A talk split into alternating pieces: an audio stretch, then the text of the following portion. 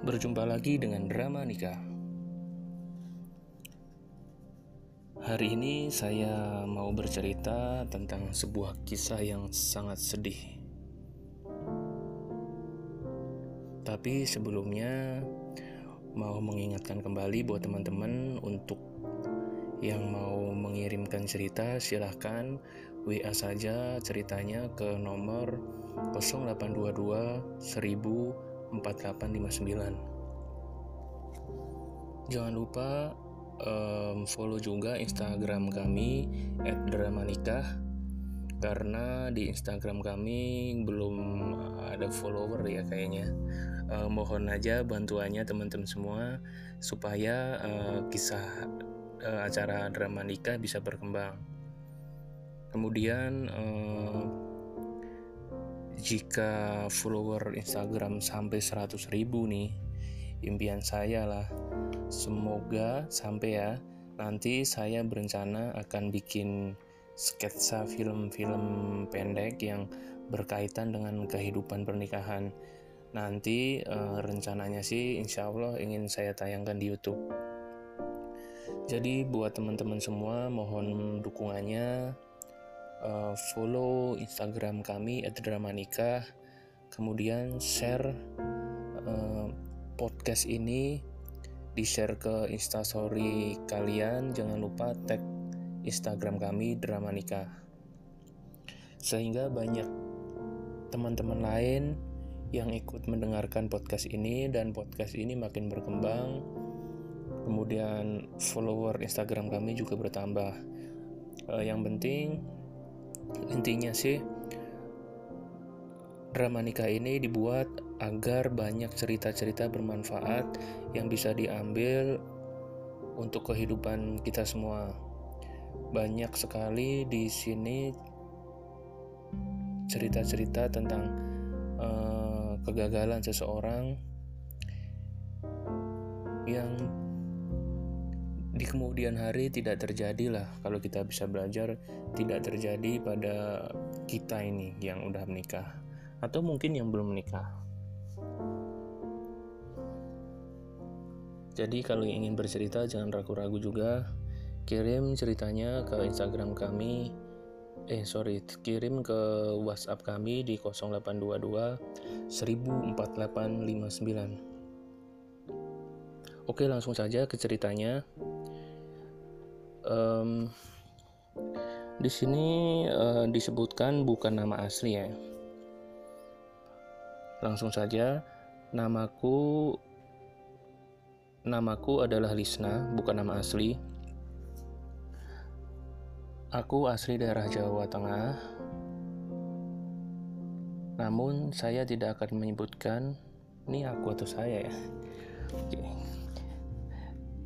Aku asli Jawa Tengah tapi aku tidak akan menyebutkan dari mana asalku lebih spesifik. Ini untuk privasi. Aku mau cerita tentang pengalaman hidup yang sangat pahit.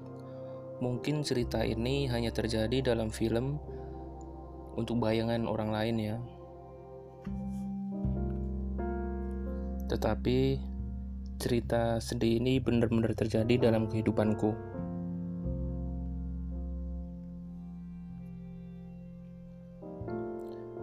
Aku terlahir sekitar tahun 70-an dari orang tidak punya, dari orang tua yang tidak punya. Kedua orang tuaku adalah seorang buruh. Aku sekolah hanya lulusan SD hingga suatu dewasa Sekitar umur belasan tahun, aku bekerja sebagai pembantu di salah satu kota. Aku tumbuh sebagai wanita yang cantik menurut orang lain, tetapi aku juga punya sifat yang keras. Itu juga pendapat beberapa orang. Kalau kata ibuku, sifat kerasku ini mungkin karena wetonku yaitu hari lahirku hmm, hari sekian sekian sekian ya saya nggak menyebutkan ya takutnya ini ini orang lain belum tentu percaya ada juga yang percaya Intinya di sini dia punya lahir di hari tertentu yang kata primbon kalau lahir di hari itu maka dia punya watak keras. Namun, walaupun aku punya watak keras, rezekiku akan dimudahkan. Suatu ketika, aku berkenalan dengan seorang laki-laki Laki-laki itu menurutku seorang yang mapan karena beliau merupakan seseorang yang bekerja dan dia bekerja di perusahaan tambang. Dia pun menjabat sebagai pimpinan, sedangkan aku sendiri hanya gadis desa. Gadis desa lulusan SD jadi pembantu lagi. sehingga dia sangat-sangat levelnya jauh dari aku. Mungkin malah aku cocoknya jadi majik jadi pembantu dia. Dia jadi majikan aku. Hehehe. Di sini dia menuliskan hehehe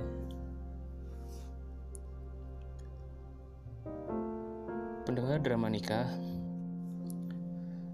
setelah beberapa kali bertemu, bulan demi bulan, kami semakin mengenal. Akhirnya, kami ingin menjalin hubungan lebih serius, yaitu pernikahan.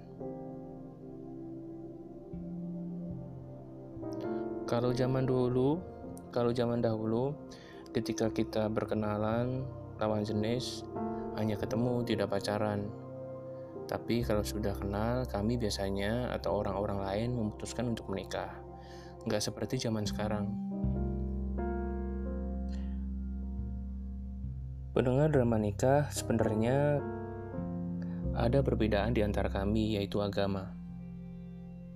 Namun, kami tidak pernah mempermasalahkan. Bahkan ketika meminta restu orang tua, Bapak dan ibuku langsung setuju kalau kita akan menikah. Bapak nggak pernah mempermasalahkan masalah perbedaan agama.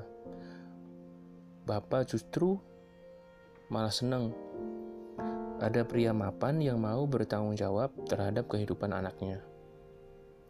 Karena kami hanya orang biasa. Jadi dalam keluarga kami hanya aku yang memiliki pasangan seseorang yang cukup mapan.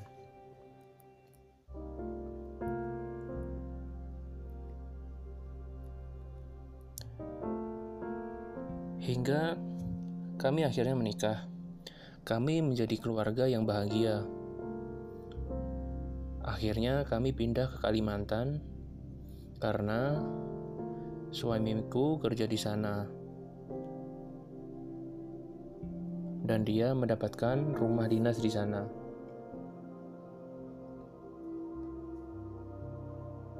Untuk informasi saja, sebelumnya suamiku sebelum menikah memang sudah cukup, namun setelah menikah kami diberi kemudahan. Harta kami semakin bergelimang, kami hidup serba kecukupan bahkan lebih. Kami juga diberi kemudahan diberi buah hati oleh Tuhan dengan mudah. Di tahun 90-an kami sudah punya rumah, punya kendaraan, punya tabungan, mungkin puluhan bahkan ratusan. Ratusan juta pastinya. Aku bener-bener gak kebayang. Orang tuaku juga ikut senang karena aku rutin kirimin uang ke dia. Baju baru, uang, apa yang dia mau, aku bisa beliin untuk dia. Jujur aja, saudara-saudaraku, kakak maupun adikku nggak mampu seperti aku. Mereka nggak mampu bahagiakan orang tuanya. Kadang sih aku kesel ketika saudara-saudara tidak saudara-saudaraku tidak perhatian terhadap orang tua. Seharusnya walaupun sedikit setidaknya bisa disisihkan untuk orang tua. Kadang aku suka menasihati dia. Kalian itu harusnya kerja keras. Kalau bukan aku, kalau bukan aku nggak, ibu nggak nggak bisa bahagia loh. kalau punya duit seberapa aja mending dikasih aja orang tua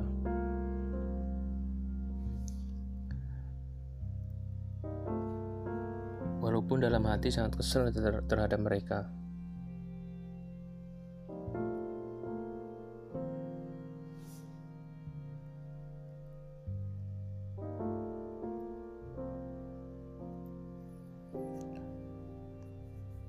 Para pendengar drama nikah, aku semakin sadar kalau wetonku ini membawa rezeki buat kehidupan keluargaku. Semenjak menikah, rezeki suami semakin terbuka. Aku yakin gara-gara itu, gara-gara wetonku, membawakan kehidupanku menuju seperti ini. Semakin dipermudah. Suatu ketika aku terpikir untuk ikut andil dalam mengatur keuangan suami. Karena dia sibuk,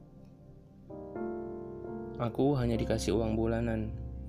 Paling enggak kalau aku ikut mengatur beban suami lebih dimudahkan. Jujur saja, gara-gara itu makin lama aku semakin suka mengatur kehidupan suamiku. Selain keuangan, Ketika suami nongkrong, kadang-kadang aku larang. Suami tiba-tiba belanja banyak, kadang aku marahi. Kadang suami balik marah ke aku.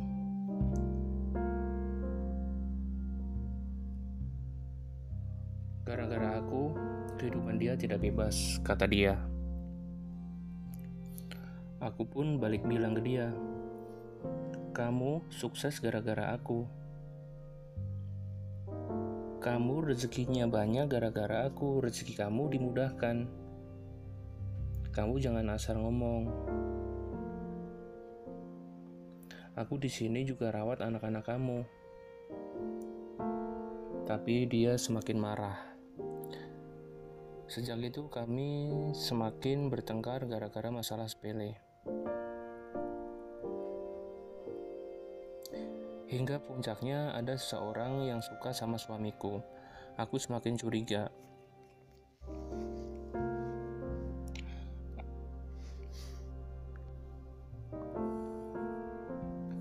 Pendengar drama nikah, sudah setahun kami sering bertengkar. Akhirnya sempat ke orang pintar untuk mencari petunjuk agar suamiku menjadi nurut terhadap aku. Bahkan setelah bertemu orang pintar, dia juga bilang kalau emang benar suamiku punya selingkuhan.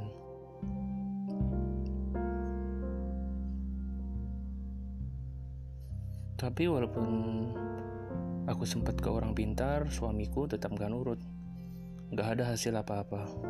Kami tetap selalu bertengkar.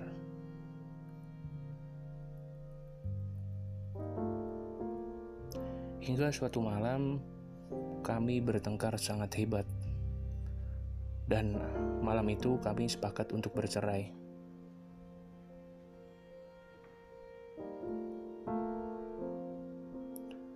Tapi aku mau harta ini dibagi rata. Kemudian setelah kami bercerai, kami menjual harta-harta kami, semua aset kami, termasuk rumah. Beberapa harta kami jual dengan cepat dengan harga murah. Yang penting masalah ini cepat selesai. Anak-anak anak laki-lakiku ikut suami sedangkan dua anak perempuan ikut aku. Anak laki-laki sudah dewasa semua jadi gampang diurus. Kalau dua anak perempuanku masih kecil, dua tahun dan lima tahun. Memang berat tapi aku bisa jalan. Aku pasti bisa jalani. Setelah berpisah dengan suami, aku mengontrak rumah Sehari-hari untuk makan aku beli buat anak-anakku termasuk susu. Setelah setahun lebih, uangku mulai habis karena aku tidak kerja. Rasanya semakin sulit sekali hidupku. Hingga suatu hari aku menyerah untuk merawat anak-anakku. Akhirnya anakku, kedua anak perempuanku aku serahkan ke orang yang bisa berlebih tanggung jawab. Anakku yang kecil dipungut oleh seorang seseorang yaitu Pak Haji dan istrinya sebagai anak, sedangkan yang besar ikut budenya. Saat ini aku sehari-hari berjualan di pinggir jalan, berjualan roti, gorengan, dan minuman. Pernah ada suatu kejadian tempat jualanku digusur. Sedih sekali rasanya.